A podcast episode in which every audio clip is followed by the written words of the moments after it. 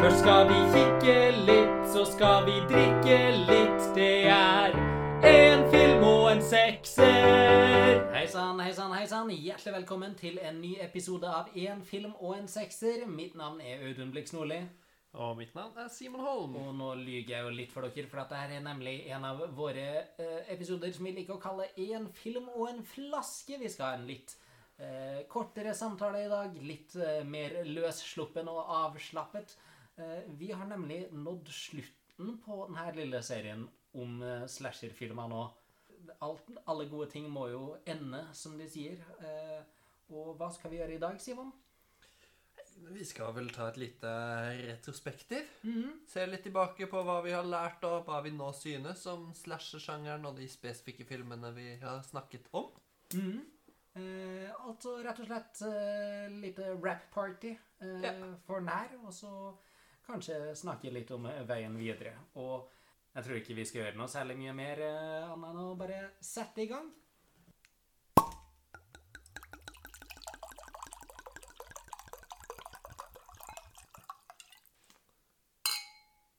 Så uh, slasherfilmen Vi kan jo returnere litt til starten. Så kan du eh, si litt eh, til meg, Simon, om eh, hvilket forhold du hadde til sjangeren da vi satte i gang det her løpet vårt. For Eh. noen syv-åtte episoder siden. Det som kanskje var mest definerende for mitt forhold til denne sjangeren, var jo at det jeg hadde sett av den, hadde jeg sett for veldig lenge siden. Veldig lite av Eller veldig få av de filmene som jeg har har sett i den slasher-sjangeren, hadde jeg sett etter jeg begynte å bli filminteressert for alvor, begynte å studere faget og sånt. Så det er jo den største forandringen nå, at jeg har fått sett de filmene og noen til i eh, quote unquote voksen alder. Eh, så det, det var jo en, en opplevelse i seg selv, det. Og noe jeg eh, tror jeg sårt tenkte. Det var jo godt på tide, altså. Mhm. Få et sånn skikkelig blikk på noen filmer som jeg i min ungdom dismissa som trash, men eh, nå var klar til å gi en ny sjanse. Hva med deg? Har det blitt noe endring for deg i løpet av denne reisen? Noe endring tør jeg vel ikke påstå at det har vært. Jeg har vel eh, det samme litt overdrevne kjærlighetsforholdet eh, til slasherfilmen som jeg allerede hadde. Det her er jo den eh, sjangeren og subsjangeren som jeg har hatt sterkest forhold til i egentlig all tid, så lenge jeg har vært en filmbevisst person. Så eh, vil ikke nødvendigvis si at eh, reisen har endra mitt syn på sjangeren nevneverdig. Eh, men det har jo gitt meg eh, mye større mulighet til å se mer analytisk på filmene eh, enn en jeg har hatt eh, tidligere. Så eh, har gjort meg med å sette meg enda mer inn i materialet og eh, se på alt det som ligger bak det her, og eh, psykoanalysere eh, hver eneste lille sekvens. Så på det viset så har jeg vel kommet enda litt nærere hjertet til sjangeren. Så ja, ditt, ditt forhold til sjangeren har endra seg litt, men har måten, eh, måten du ser på sjangeren, endra seg? Har din tolkning av hva sjangeren faktisk er, endra seg nå? Har du fått noe nytt forhold til, eh, til det? Ja, jeg har nok blitt mer eh, bevisst over det, det syntaktiske.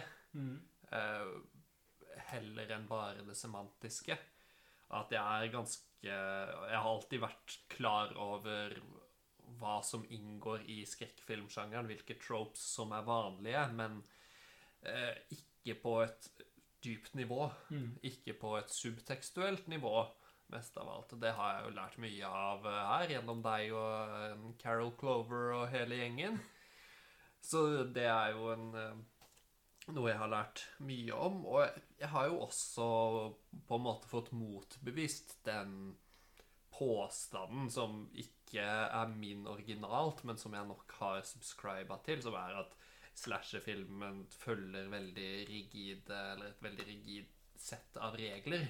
Og alle slasherfilmer må følge de reglene, og eh, man må følge de reglene for å være en slasherfilm. Men så viser det seg jo det at selv de mest slasherete slasherfilmene vi har sett til nå, bryter jo i hvert fall et par-tre av de forutinntatte reglene, da. Mm. Så det er jo en løsere definert sjanger på et sånn konkret eh, trope-nivå. Men eh, tematisk så har jo filmene mer til felles med hverandre enn jeg noen gang har innsett Mm. før. Der får du sagt det. Det er jo mye, mye mer penis og vagina eh, i de her filmene eh, enn jeg husker jo noensinne har tolka det til tidligere, selv om jeg hadde sett eh, så å si alle de her filmene fra før. Så er det jo eh, enorme seksuelle undertoner i eh, så å si alt av det her. Noe som man eh, ikke hadde lagt merke til i veldig stor grad på mange av dem, i hvert fall. Nei. Så eh, har lagt merke til en hel del. Jeg syns også det har vært veldig interessant å gjøre det her og gjøre det i en sånn her kronologisk eh, rekkefølge, siden jeg har jo alltid vært klar over historien og de forskjellige bølgene innenfor, eh, innenfor eh, slasherfilmen, og når de oppsto, og hva de har betydd, men det å virkelig få se dem sånn her back to back, uke for uke, og sammenligne de forskjellige historiske epokene innenfor den så direkte, har også vært en veldig gøy opplevelse. Ja. Og ja, vi har jo nå inn her eh, Vi har vel egentlig hatt basically ett eksempel per eh, periode. Vi droppa jo eh, remake-bølgen, eh, men det snakker vi plenty om. Eh, og eh, i vår, i vår gjennomgang før vi satte i gang her, så snakka vi om periodene eh, Så snakka vi om det som halloween og fram til eh, Nightmare on Elm Street som en periode eh, som første æraen innen slasherfilmen. Eh, men når jeg ser litt tilbake på det nå, og det vi har oppdaga her, så syns jeg liksom vi har en mellomperiode der mellom halloween og Nightmare, eh, som er litt sin egen greie. Eh, og det går jo litt tilbake til Vera Dika igjen med eh, halloween som startskuddet på The Stalker Cycle. Og Vera Dika avgrenser den perioden fra 78 til 1981. Så jeg syns det da kan være interessant å se på den perioden eh, fra 1982 og fram til Nightmare on Street som en slags egen miniepoke separat fra eh, Halloween og Friday the 13th og den Stalker-cyclen, da. Eh, som en mer pur variant av slasher-filmen før de mer overnaturlige og fantastiske elementene kommer inn. Ja. Og så kan vi jo si det, og det, det er ikke ment eh, som selvkritikk, men bare en kommentar på den tida vi har hatt til rådighet. At vi har fulgt en struktur her hvor vi stort sett har sett de viktigste filmene, de mest toneangivende og de mest kanoniserte verkene innen denne sjangeren, som gjør at vi har gått glipp av eh, kanskje noe av eh, mainstreamifiseringen og hva som faktisk gjelder i denne epoken. At vi har sett Akkurat 80-tallet blir jo en liten, et lite unntak, fordi vi så f.eks. The Slumber Party Massacre, og det er såpass tett mellom de filmene der. Men at vi har sett filmer som Scream, og så, som vi vet var en toneangivende film, og så bare hoppa langt til neste film uten å nødvendigvis få se hvilke konsekvenser denne filmen hadde. Absolutt. Det, For- vi gikk jo helt glipp av den bølgen med eh, såkalte neo-stalkers, som den, eh, den oppretta. Og på samme måte så gikk vi jo også glipp av mye av det som prega slasherfilmen på 80-tallet. For at det vi så, var jo som sagt de store toneangivende filmene. Eh, Slumber Party Massacre har ikke fått den samme eh, plassen i historien som de andre, men det er også en veldig spesiell og kunstnerisk ambisiøs film. Vi har på mange måter unngått den mest klassiske 80-talls-slasheren, den mest typiske 80-talls-slasheren, som var uh, basically uh, Halloween-klona, eh, som gikk inn for å gjøre det Halloween gjorde, bare å uppe bodycounten og gården eh, for å tjene inn masse penger. Og det er jo litt trist, for det er mye interessant å se på der også. Men eh, vi gikk jo for å ha litt kortere serier, så da Ja. Og så tok vi jo valget å gå for kvalitet. Mm. Og det, det er jo sånn at slasher-filmen og skrekkfilmen generelt har jo et ufortjent dårlig rykte. Mm. Men det er også jævlig mye søppel. Det er mye trash, og det er jo rett og slett fordi at det her er filmer som er jævlig billig å lage, og veldig lett å lage sjelløse kopier av. Ja. Eh, og som studiene alltid var villig til å satse på, fordi at det kosta dem lite, og det var stor fortjeneste på det. Ah. Og så finnes det de som er trashy på en god måte, eller en interessant måte, eller i hvert fall en gøy måte. Og noen av de har vi sett. Og så er det de som er trashy på en trashy og jævlig kjedelig måte. Mm. Og de har vi hoppa over. Ja. Det er nok like greit. Ja, altså Kunne vært gøy å gjøre en og annen, men eh, det, jeg føler at det utvalget av filmer vi gjorde, var Da fikk vi med oss mye av det aller viktigste. Mm. Eh, Så eh, jeg står ved mine valg, men ser også hvordan vi eh, missa noen eh, interessante samtaler og missa noen linjer vi kunne ha eh, sett i det her eh, av det her valget. Mm. Kan jeg jo spørre deg også, har du, eh, har du blitt inspirert av denne serien og sett noen andre slasherfilmer på fritida utafor denne innspillinga? Måtte jeg tenke meg om? Jeg tror faktisk ikke det. Nei? Jeg, det blir jo litt sånn Jeg får jo gjennom denne serien sånn omtrent en slasherfilm i uka. Mm. Og det er eh, stort sett en ganske passe dose. Så jeg tror hvis jeg blir inspirert av dette, så blir det jo nå i tida framover at Mm. det er eh, oftere at jeg prioriterer det. Ehm, og det tror jeg nok eh, kommer til å være tilfellet. Men det, det er jo Særlig når man forholder seg til de filmene som mest aktivt inngår i sjangeren, så blir det jo øh, altså, uunngåelig en del øh, gjentagelse. Mm. øh, mye herming som gjør det veldig passe å se en sånn film en gang iblant. Mm. Og det, det, det blir ikke Det er ikke alle slasherfilmer som egner seg for sånne binge sessions. Selv om det selvfølgelig er unntak. Ja. Men jeg får se. Jeg håper jeg kan fortsette å utforske det litt på egen hånd også.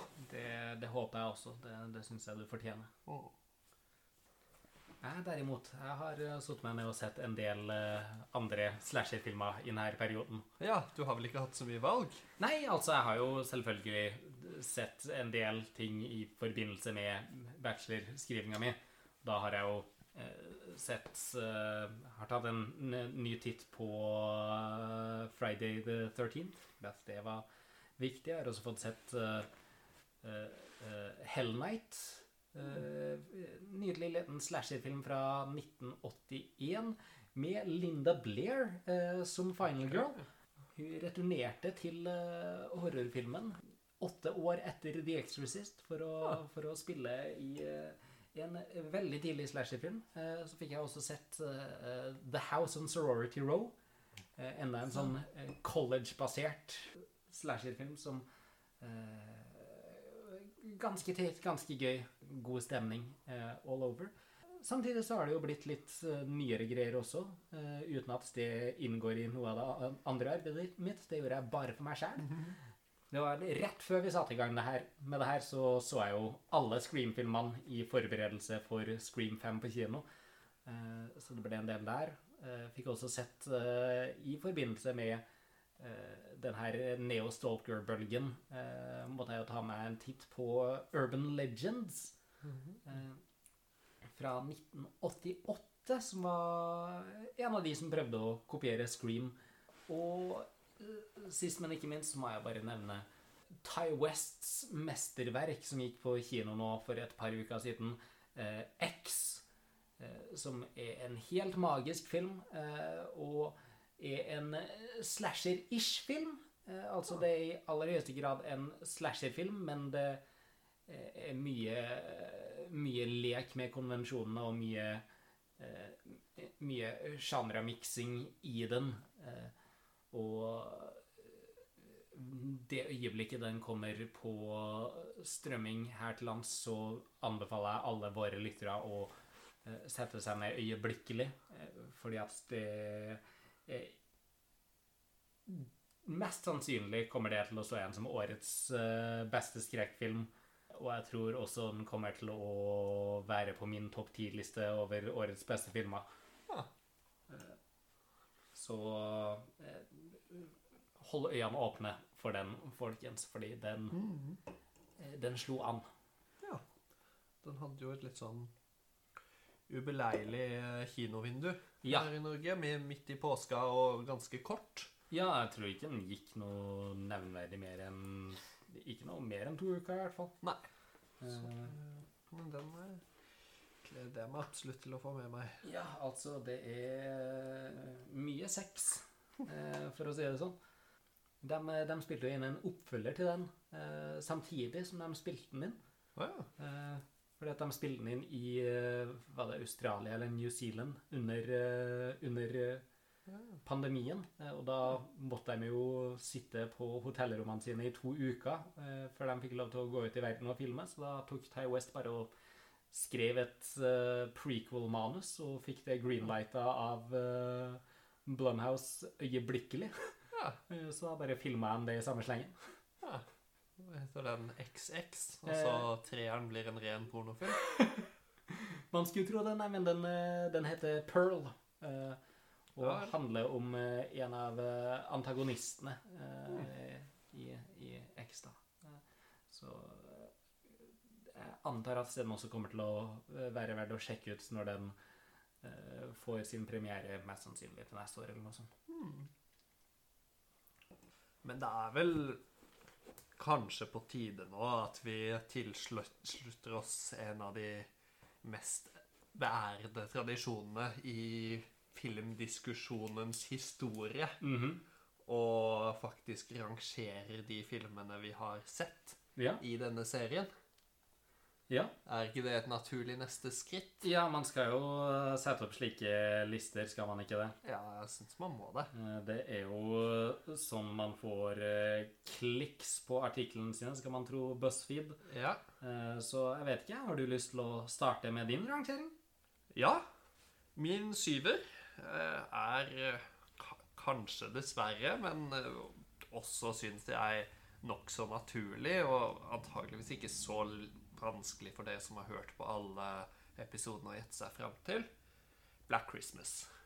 Den første filmen vi så, som eh, definitivt er inne på noe, men som også blir litt for eh, upolert og for inkonsistent i sine kvaliteter. Den har noen ting som den gjør veldig kult, men så kommer jo de fleste andre filmene etterpå og gjør mye av det samme, bare enda litt kulere, enda litt gjennomført på enda litt høyere budsjett, eller med enda større kunstnerisk talent bak seg. Så det er jo Det er jo litt trist å skulle plassere den eldste filmen nederst, men eh, jeg ser meg nesten nødt til å gjøre det. Hva er din siste plass? Min nummer syv er, og det er trist å si det, eh, vil jo gjerne støtte lokal filmproduksjon, men Fritt vilt er den svakeste på lista her for min del, altså. Ja. Eh, det er en gøy film, men Fritt vilts svake skuespillerprestasjoner, fordi at det meste av skuespillerprestasjonene i den er subpar. Det er kun to karakterer der som virkelig spilles bra. Eh, og de svake skuespillerprestasjonene i den filmen er ikke sjarmerende som de svake skuespillerprestasjonene i tidligere slasherfilmer. Uh, som taper mye på det. Den taper også på den bleike tonen og det ukonsekvente musikkvalget. Og eh, rett og slett at den mangler den sjarmen eh, som Eller Den har noe sjarm, men den mangler til stor grad den sjarmen som jeg ønsker meg i slasherfilmer, samtidig som den ikke gjør noe nytt og spennende med sjangeren. Så derfor havner den på eh, sisteplass for min del. Eh, hva er din nummer seks? Det er fritt vilt. Det er fritt vilt. Så det er jo av mange av de samme grunnene du har sagt her, men det som for meg løfter den over Black Christmas, er at jeg syns i hvert fall at Fritt vilt er en god del skumlere Mm. enn det Black Christmas var. Og det er jo en kvalitet vi har snakka nokså lite om, til å ha vært en podkast som har handla om skrekkfilmer de siste ukene. Men eh, det er jo et, et pluss om disse filmene klarer å få pulsen min til å stige litt, Mm. og klarer å være ekle og off-putting utover det latterlige.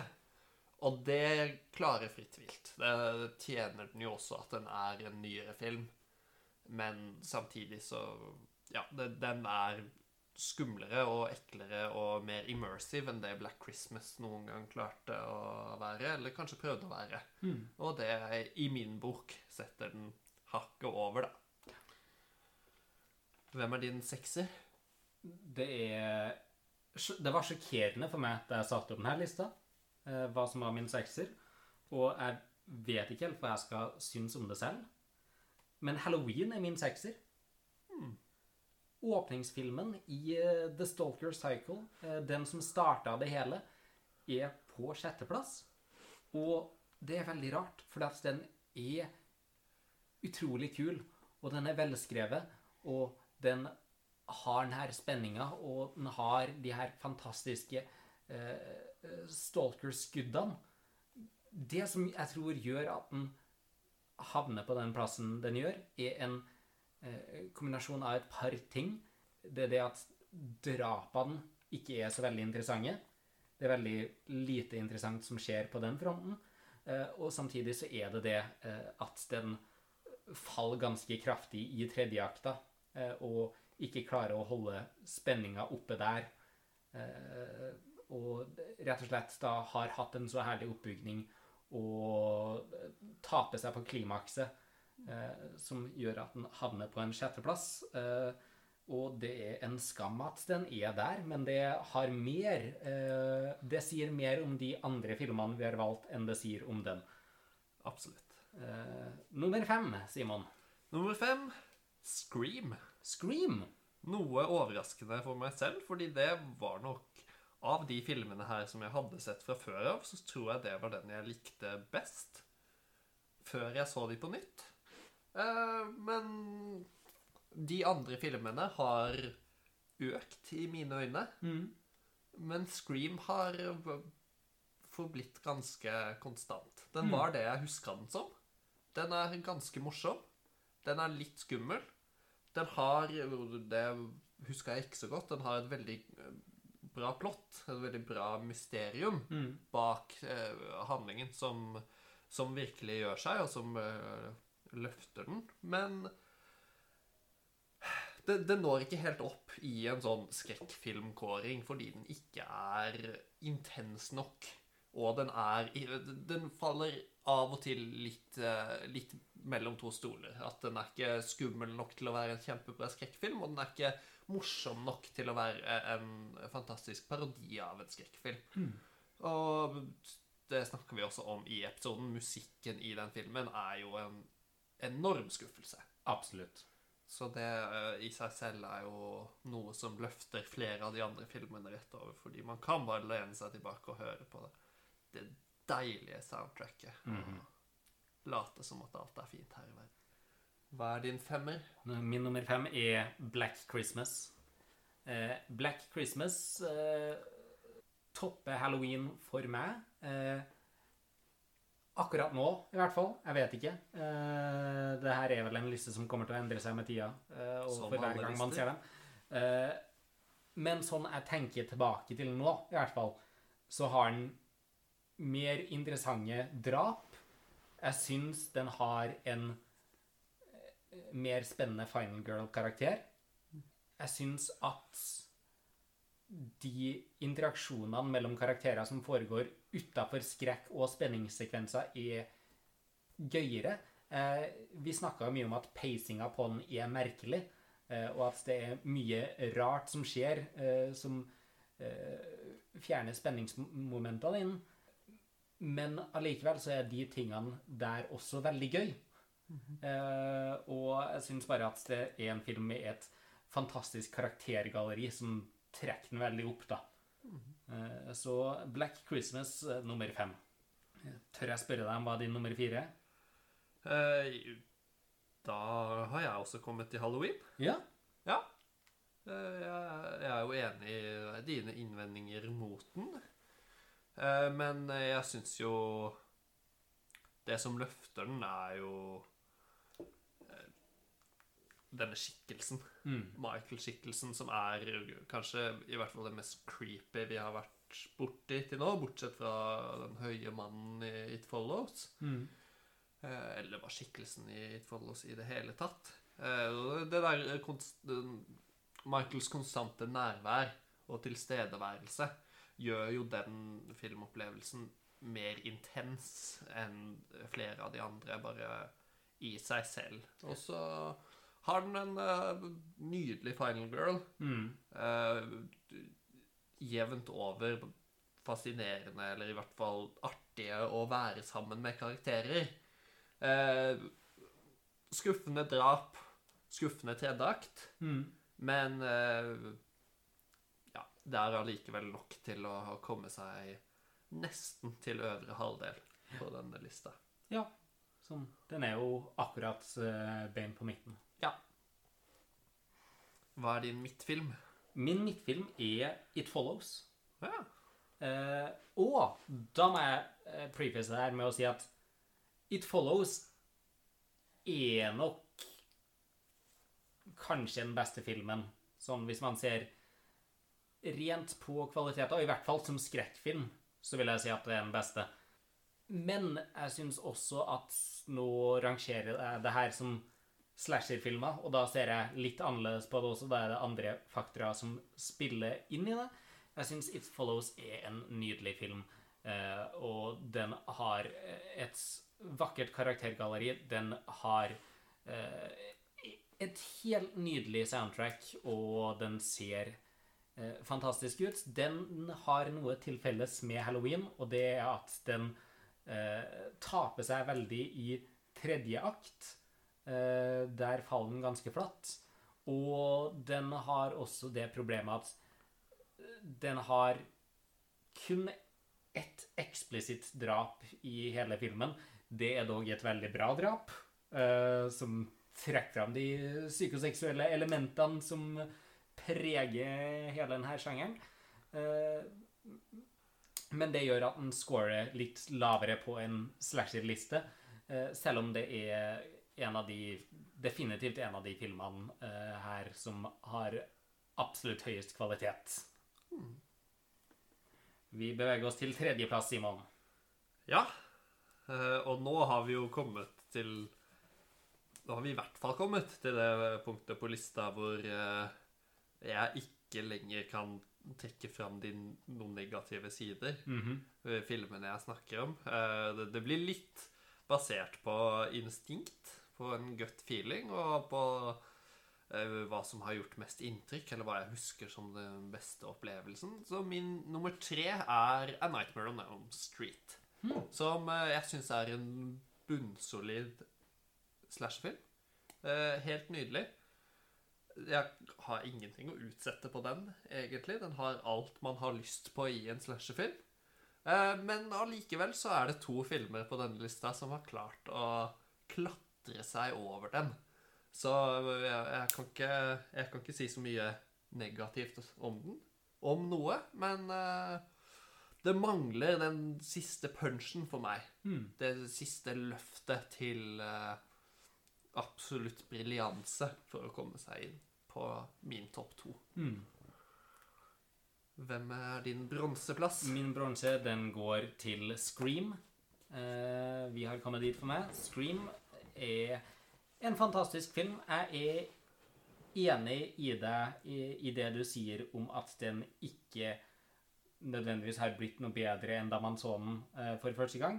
Men den er fortsatt veldig, veldig sterk. Eh, og jeg tror det er jo på grunn av eh, av Williamson sitt manus, som er magisk, og West Craven sin regi, som eh, sjelden slår feil. Den er litt tam når det kommer til drapene, eh, men det er fortsatt bare en så gøy filmopplevelse, og eh, jeg føler ikke at man kan rangere Matthew Lillard sine skuespillerprestasjoner i denne filmen noe lavere enn tredjeplass, fordi han er helt magisk, eh, og eh, jeg elsker det han gjør. Ja. Ok, Simon, hva er din nummer to? Min nummer to The Slumber Party Massacre. En helt nydelig film. Eh, altså Det er jo den gøyeste filmen Mm. vi har sett. Og det er en veldig viktig faktor når man ser litt gamle, litt overdrevne, eh, litt campy, litt trashy filmer. Hvis den er så gøy som The Slumber Party Masker, så er alt annet tilgitt. Og det, jeg tror ikke det er noen andre filmer på denne lista jeg har kost meg så mye med som The Slumber Party Masker, og det selv bare å tenke på den nå er, Det er en deilig film. Det er, Skal vi bare se den når vi er ferdig med å spille den, eller? Kanskje vi må det. Den har et fantastisk Den har et fantastisk soundtrack. Eh, fargene, kostymene, skuespillerprestasjonene, måten det er skutt på, hele dramaturgien og oppbygninga, og også veldig kule drap, og, og om ikke drap, så i hvert fall veldig kule aftermaths mm. av drap. Um, ja, en uh, fest for øynene og ører. Og det Mm. En, Den beste, som du nevner, hvis jeg skulle rangert de her etter hva som er den beste slasher-filmen, og hatt fokus på slasher-begrepet, så hadde nok denne toppa lista mi. Mm. Hva blir din nummer to? Min nummer to blir Slumber Party Massacre. Uh, Slumber Party Massacre er fantastisk. Den er så gøy. Uh, den er så vakker. Den har eh, Den har den største bodycounten eh, av de filmene vi har sett, og det hjelper på. Og det er, ikke mangler på gode drap. Og det er den filmen med den mest eksplisitte kastreringa, eh, som jo absolutt hjelper. Det er bare total galskap og nydelighet, og jeg tror det var en god idé å ha flere kvinner bak kamera eh, i slasher-filmen, fordi at de eh, visste hvordan de skulle gjøre ting. Rett og slett en magisk opplevelse, og måten den leker seg med eh, sjangerkonvensjonene eh, og ja, ser dem allerede så tidlig eh, og klarer å leke seg med dem på det viset, eh, gjør at den havner rett attmed toppen, og jeg var veldig i tvil om hvilken som skulle toppe denne lista. Eh, og eh, det ble ikke Slumber Party the Massacre, men det var faen meg close. Simon, eh, gi meg din nummer én. Min nummer én It Follows. Mm. Eh, Det blir jo stående for meg som den beste filmen av de vi har sett nå. En del av det er jo at det er den nyeste filmen. Jeg er oppfostra på filmer fra denne epoken, Mm. så det, det, ja, det gir jo mening at min sensibilitet liker eller uh, føyer seg til en film som det her. Setter pris på det uttrykket. Men den har jo alle elementene på plass. Den har en fantastisk rytme, den har en nydelig musikk, veldig gode skuespillerprestasjoner, og kanskje aller viktigst så har den virkelig noe på hjertet. Den har noe fore. Den har et metaforisk, et dypere nivå. Det er eh, Av alle filmene her så er det desidert den jeg har tenkt mest på i ettertid. Fundert på og ja, som har streifa tankene mine, bortsett fra Oi, det var et kult drap eller eh, et creepy kostyme. Fordi den Det er en eh, nydelig skildring av den eh, menneskelige eksistens. Og eh, noen av de dilemmaene og problemene vi står overfor i vår tid. Og det er Altså, hva mer kan man ønske seg fra en skrekkfilm? Nei, ikke stort. Og din nummer én ikke en overraskelse for meg, og Nei. kanskje ikke for publikum heller. Det er jo A Nightmare on Elm Street. Og eh, det kan hende at det er et nostalgibias her. Eh, altså, Nightmare on Elm Street var den første slasher-filmen jeg så. Eh, og det vel også den slasher-filmen jeg har sett flest ganger. Eh, men uansett hvor mange ganger jeg ser den, så blir jeg aldri lei av den. Jeg syns definitivt det er filmen i denne serien vi har gjort nå, med beste drapssekvenser. Det, det står mellom den og It Follows eh, på mest interessant og kreativ take på eh, en allerede etablert sjanger. Eh, og så syns jeg at alle karakterene i denne filmen er interessante. Eh, og det er jo noe som ofte mangler i slasherfilmer. Eh, da er det jo som regel minst halvparten av casten som kun er der for body count. Men i A Nightmare on Elm Street så har alle karakterene en viktig funksjon, og de er interessante, og de er gøy å følge med på. Og Nancy Thompson eh, er min favoritt-final girl. Eh, jeg elsker også at vi har eh, Freddy Krueger, en eh, walking, talking, eh, personlighetsfylt og eh, manisk karakter som bare koser seg så mye med det han gjør. Nei, det er bare Den står hjertet mitt så nært, og det er ingen, det er ingen filmer eh, på denne lista som fyller meg med så mye glede eh, som den, så den var nødt til å toppe denne lista.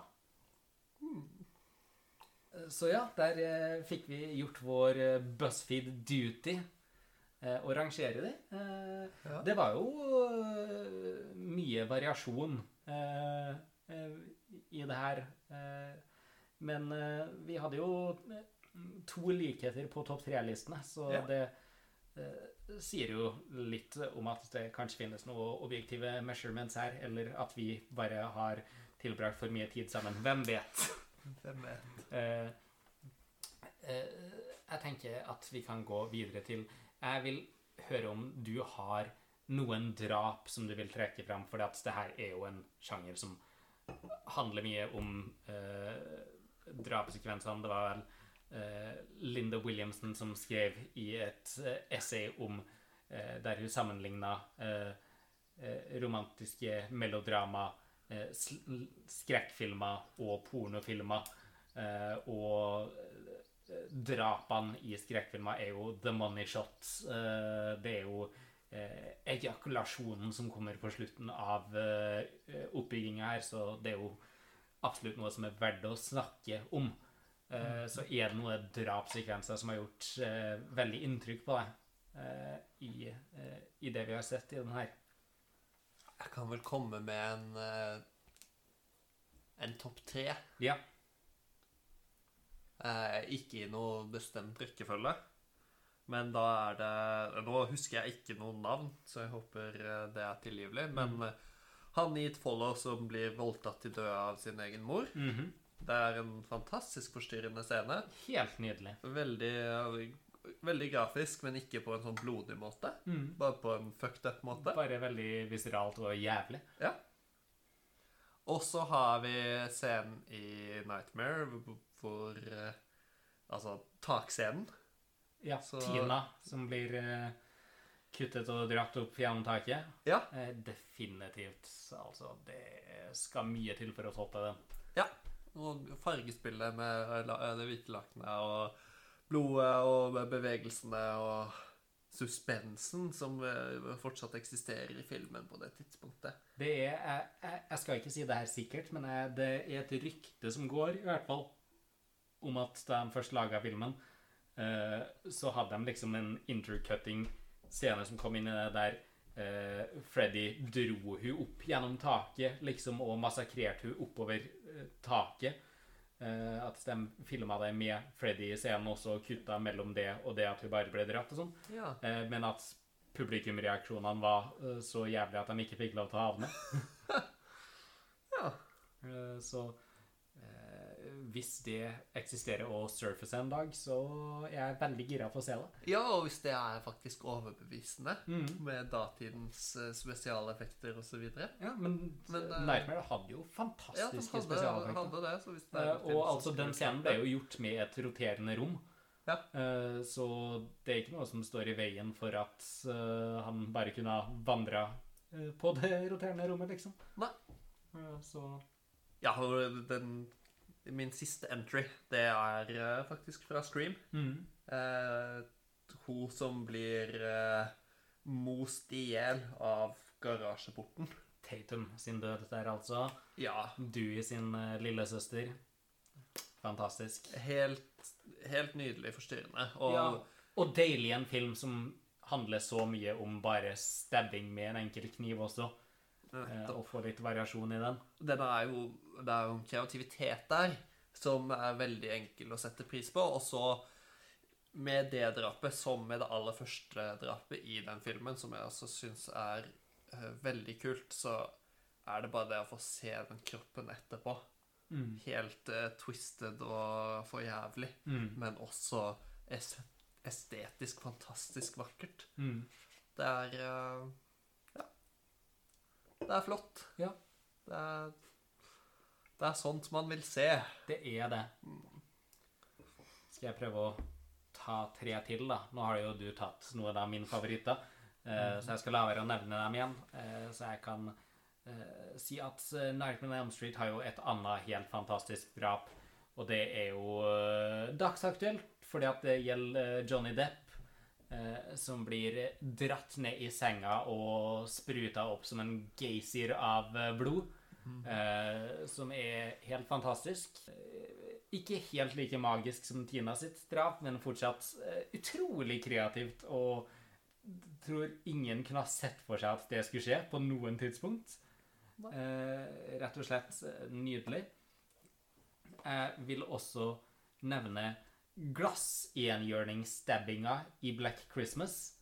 Eh, ikke så mye på grunn av at det var et fantastisk drap, eh, men eh, mer på grunn av kreativiteten i valg av våpen, og også den klippesekvensen der. Eh, måten den scenen er klippa, er helt nydelig. Eh, og det siste jeg vil trekke fram, er ikke et drap, men aftermathen av et drap.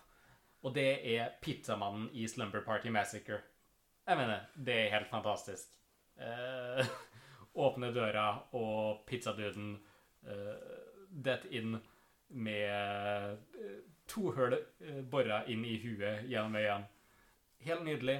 Og det som også leder eh, Det som det også leder opp til med at jentene spiser pizza eh, fra ryggen på liket hans mwah, blir ikke mye bedre enn det.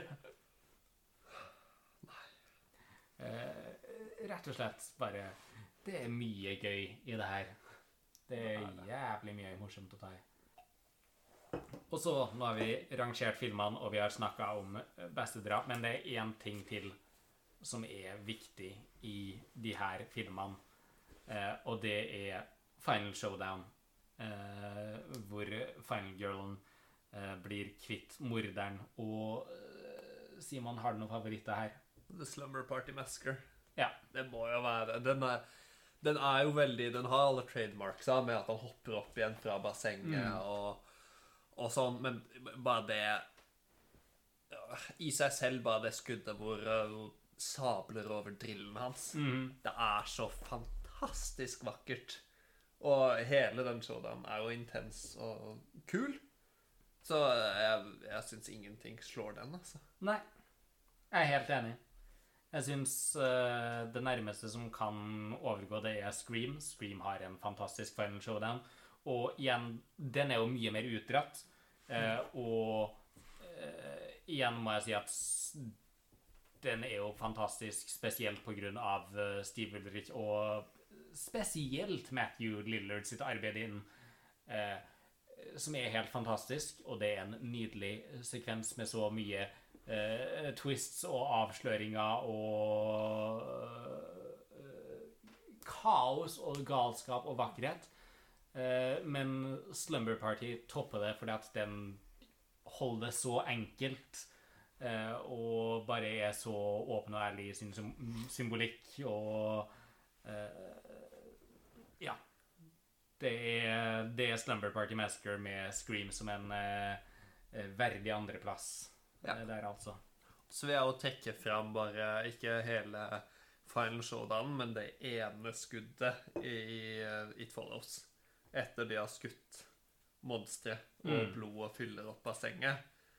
Nydelig skudd.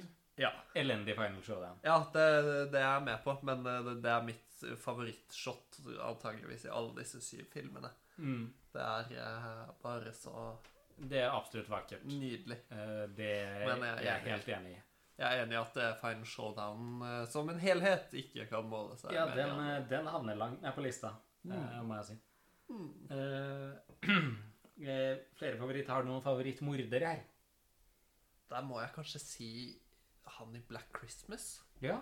Bare fordi han har et mysterium ved seg som er eh, psykoseksuelt enda mer eksplisitt enn eh, det som er vanlig i de andre karakterene. Mm. Og at han har et sånn eh, freudiansk trekk over seg. Mm. Han snakker som og om sin egen mor og eh, er Altså, han er dypt forstyrret, ikke bare i at han går rundt og dreper folk, så derfor er han gal, men han, han er syk. Mm. Han er uh, schizofren eller eh, altså et eller annet helt konkret og helt jævlig, Mm. som ikke bare gjør utslag i at han dreper folk, men også gjør det.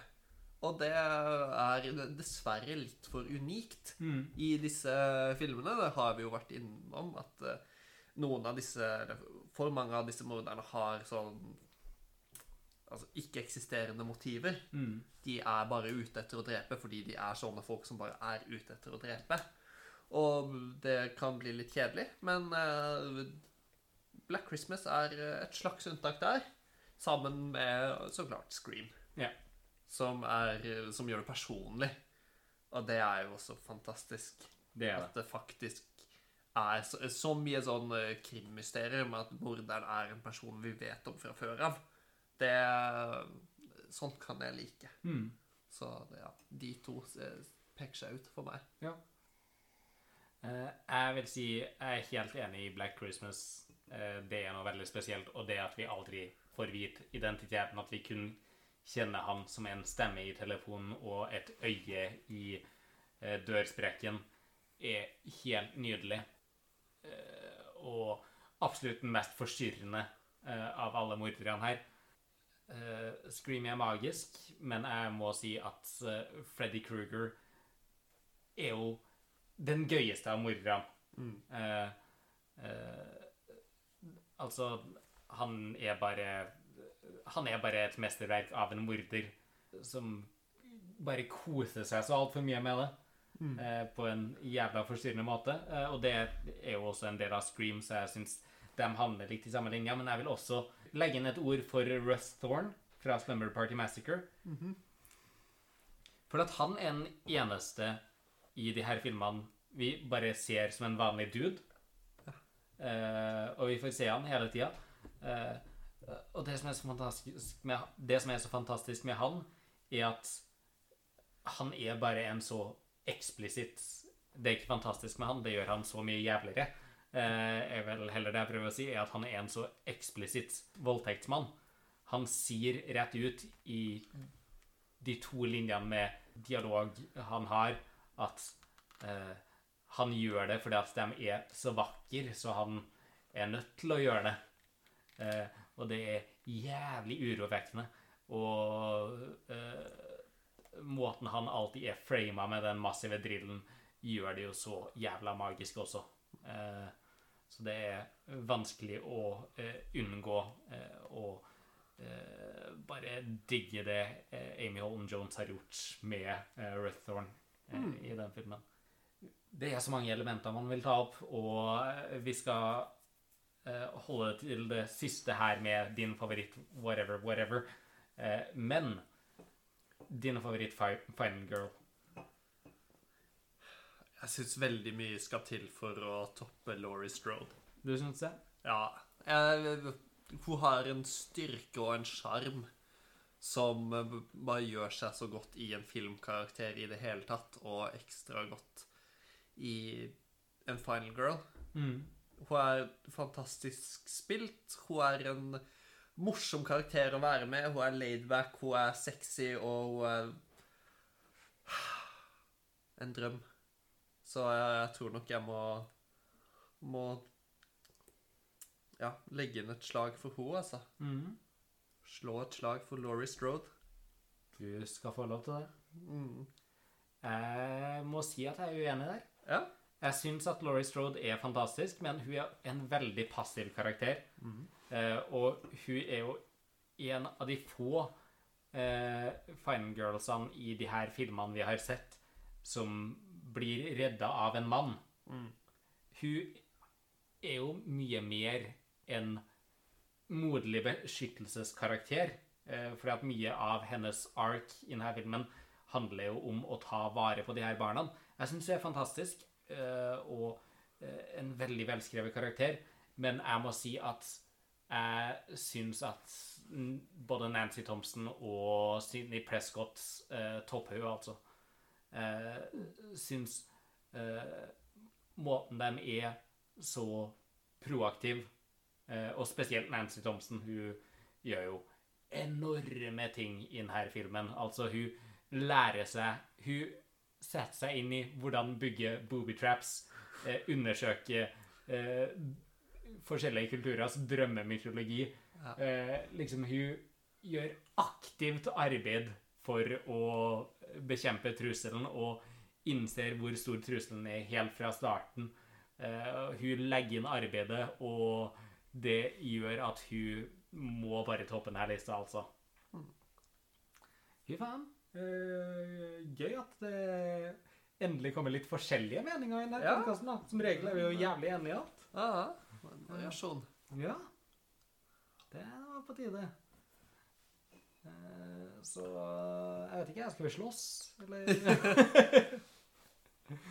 Nei takk. Eh, Denne serien går jo mot sin ende. Simon, eh, har du noe ord avslutningsvis du vil si om eh, vår reise gjennom slasher-sjangeren, og om eh, sjangeren generelt? Ja, én ting som jeg vil eh, utforske med deg, om det blir fruktbart. Fordi da vi starta på dette slasher-eventyret, Mm. så gikk vi gjennom eh, ganske detaljert med hva de vanligste slasher-tropesa er. Mm. Og vi har allerede nevnt i denne og tidligere podkaster at eh, de filmene vi har sett nå, ikke nødvendigvis samsvarer så godt med de sjangertrekkene vi lista opp da. Mm. Så eh, hvis vi nå ser på de syv filmene vi har sett, som vår eh, slasher-kanon Det Mm. er det. Ja. Det er en kanon. Ja, Den er vår. det er stemmer. Hva er det da noen nye trekk som vi ikke nevnte i den første filmen, som vi kan eh, presentere her som kjennetegn på en slasherfilm, som i hvert fall de aller fleste av disse syv filmene har til felles? Jeg har en liten en Ja. som eh, antageligvis er anerkjent som en uh, slasher-trope fra før av, men som bare kan få ballen til å rulle. Uh, og det handler jo om de mannlige karakterene Ja. i disse filmene. For det tror jeg ikke vi snakka noe om. Det har vi snakka veldig lite om. Ja, Og de har jo ekstremt mye til felles. Mm. uh, men det så å si alle har til felles Ikke alle mennene, men alle de prominente love interest-mennene har til felles, er jo at de er jævlig kåte og jævlig dumme. Ja. Og dør. Nøyaktig. Det er jo faktisk et uh, kjennetegn som burde være vel så viktig som Kanskje ikke som final girlen, men i hvert fall som uh, det at man har sex, og så dør man, og, og noen av de her scream tropesa som trekkes fram. Fordi det er jo alltid tilstedeværende, og det er alltid tilfredsstillende.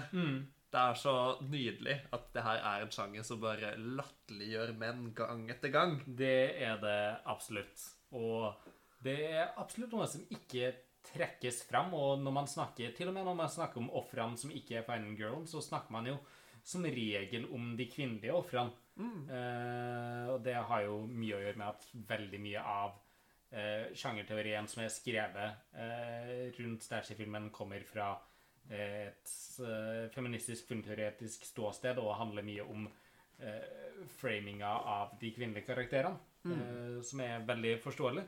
Eh, men det er absolutt en faktor at mannlige karakterer, kjærlighetsinteressen, er ofte veldig dum, og det er ofte veldig sleazy og kåte scumbags eh, som du nyter å se dø. Ja. Eh, men det går jo også inn i eh, det samme med at de fleste karakterene er eh, todimensjonale karakterer, eh, og at du ikke skal knytte deg så mye til dem, for at du heller skal kunne kose deg med eh, å se de her drapene fremfor å bli så sjokkert eh, av det. Så det, det har nok absolutt mye med det å gjøre, men det Ja, er en observasjon som man ikke ser så ofte. Eh, Så det er jeg helt enig i. Eh, Noen andre gjennomgående tropes i de eh, filmene vi har sett La oss se. Det er jo det vi har snakka mye om.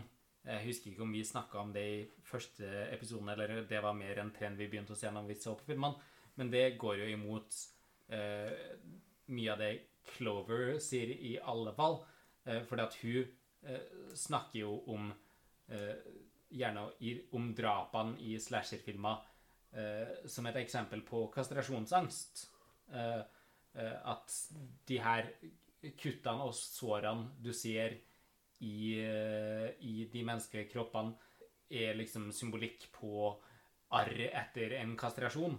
Og der vil jo jeg si at vi generelt gjennom filmene vi har sett nå, har vært enige om at eh, det her er mye mer enn de her drapssekvensene i mye større grad kan eh, ses eh, i sammenheng med voldtekt og seksuelle overgrep eh, enn eh, kastrasjoner. Ja. Eh, så der igjen så mener jeg at vi Den kanonen vi har uh, gått ut fra nå, uh, og våre diskusjoner gjennom denne serien, uh, går ganske imot det Clover snakka om i sin originale tekst. Mm. Ja, det er sant. så, så det er absolutt Altså, det skal jeg ikke si at Det vil jeg ikke kalle en trope, men mer en motsetning mot den etablerte teorien. Mm. Eh, og så er det jo eh, Fine Girl-karakteren, da. Eh, som eh, jo er den jomfruelige karakteren eh, som vi til ganske stor grad har eh, sett filmer som går imot. Ja. Altså Black Christmas, eh, hun skal gå og ta en abort. Laurie Strode, ja, jomfruelig, men åpenbart interessert i gutta. Hun har til og med en spesifikk gutt hun er kåt på. Ja. Eh, og hun er ikke en uskyldig liten pike, liksom. Hun røyker weed og eh, kødder rundt. Ja. Eh, Valerie i Slumber Party Massacre Altså uh, Sure, hun drar ikke på den kåte Slumber Party-festen, men det har mer å gjøre med hennes status på skolen. Altså, hun har jo pornoblader eh, under, gjemt under puta si. Ja. Eh, Nancy har jo et etablert forhold med eh, Johnny Depp sin karakter, hva var det? Jeg husker ikke, men med Johnny Depp. Mm. Eh, og eh, det virker jo absolutt som de har hatt et seksuelt forhold før det her. Ja. Siden de har sex i løpet av filmen. Det var første gang hun hadde sex. Eh, men hennes eh, mangel på seksuell omgang var jo heller et resultat av en traume hun drev og deala med, enn at hun var en uskyldig jomfruelig karakter. Eh, I Fritt vilt så er det jo et par som driver og skal flytte inn sammen. Ja. hallo, det er ikke noe jomfruelig med det. Og It Follows tror jeg ikke vi trenger å si noe om, for det er en film som handler om å ha sex. Så jeg, jeg føler at den tropen bør legges til side, for at det stemmer bare ikke. Det er ikke Final Girlen er ikke en uskyldig liten pike. Eh, liksom, det er en eh, Det er en karakter som har Som går gjennom en seksuell utvikling, og er liksom Det er veldig seksuelle mennesker. Ja. Eh, det jeg kan si om det gjennom det jeg har sett på av uh, slasher-filmer, både i de vi har sett på og utafor det, er at kamera ikke seksualiserer Final Girlen til like stor grad som de andre karakterene. Eh, så det har mer å gjøre med vinklinga enn narrativet. Ja. Eh, så det eh, Ja, det har mer å gjøre med hvor the male gaze plasseres, Mm. eh, enn hva som faktisk er trekkene karakterene har. ja. Og så vitner jo det her om en sånn uh, patriarkalsk holdning til, til mennesket. At Mm. det at disse Final Girlsa er relatable, Mm. og de er uh, utvikla, Mm. og de er, de er jo yndige samtidig som de er sterke, så er det disse her positive kvalitetene har også blitt tillagt den eh, ultimate positive kvaliteten i det patriarkalske samfunnet, som Mm. er jomfrudommen. Ja. Og ja, det her er jo filma eh, nå spesielt når vi, eller når vi snakker om klassiske æraen, så er jo det her filma av Reagan-æraen. Eh, det var jo en, en spesiell tid i det amerikanske samfunn. Eh, Ja. Huff a meg. Eh, som dere kan høre mer om hvis dere går tilbake og lytter på vår episode om eh, The People Under The Stairs. ja. Eh, men ja, det er absolutt eh, ting som eh, motbeviser de anerkjente tropesene og teoriene om de her filmene når vi baserer oss rundt den uh, canon som vi har bygd opp eh, i denne serien.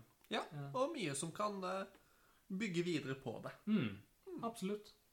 Så sier man avslutningsvis slasherfilm. Yay.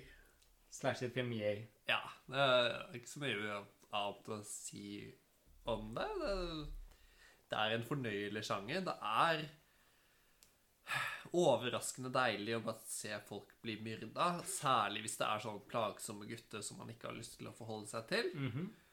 Og så er det alltid gøy å se denne sterke final girlen faktisk overleve og kjempe og klare seg. Og det, det er jo også noe som var en fordom ikke mot slasherfilmen, men mot skrekkfilmen. At jeg, jeg som ungdom så på den som så håpløs. Mm. Fordi jeg følte det alltid gikk så dårlig. Men slasherfilmen er jo veldig aktiv i å motvirke den holdningen, fordi det, det går alltid bra. Mm.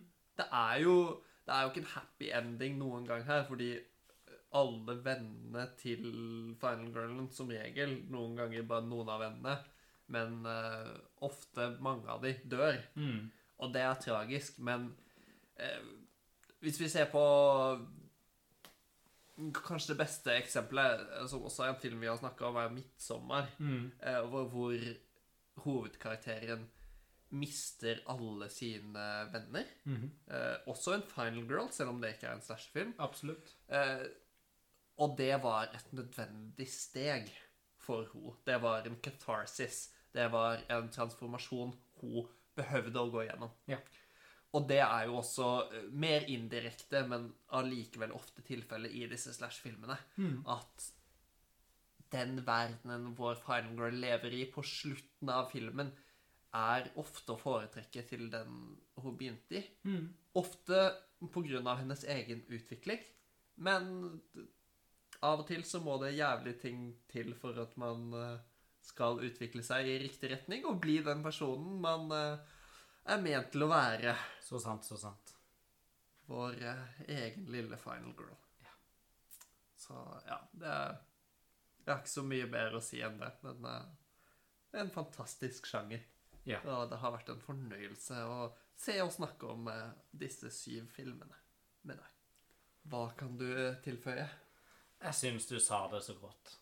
Eh, egentlig. Jeg har ikke mye å tilføye. Eh, det eneste jeg har å tilføye, er at det her har vært dritgøy.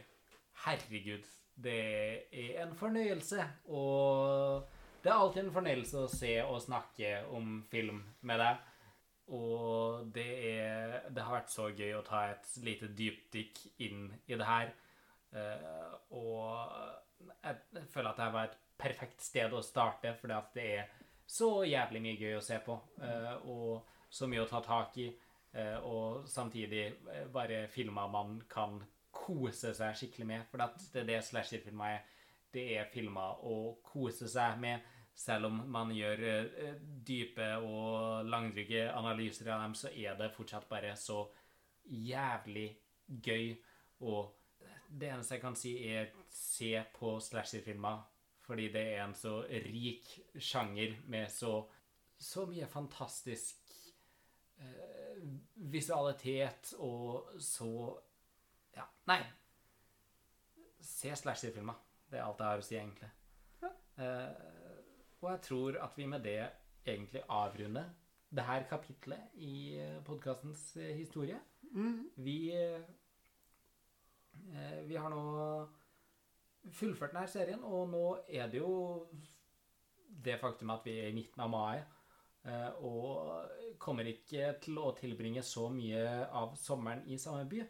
Så vi tenkte at i stedet for å sette i gang med en ny serie nå etter det her, så skal vi gjøre litt andre ting. eh, Og det kan komme noe mer tradisjonelt enn film og en eh, Sexter-content. Og det kan komme litt overraskelser også utover. Men eh, vi kommer tilbake til neste uke med et eller annet. Dere får vente i spenning. Og med det så takker vi for oss, og vi takker til slasher-filmen. Og vi takker West Craven. Det gjør vi. Lik og del. Fortell vennene om det her. Følg oss på Instagram. Skaff oss sponsorer. Jeg vet ikke, har vi noe mer å si? Nei. Nei. Skål. Skål, Simen.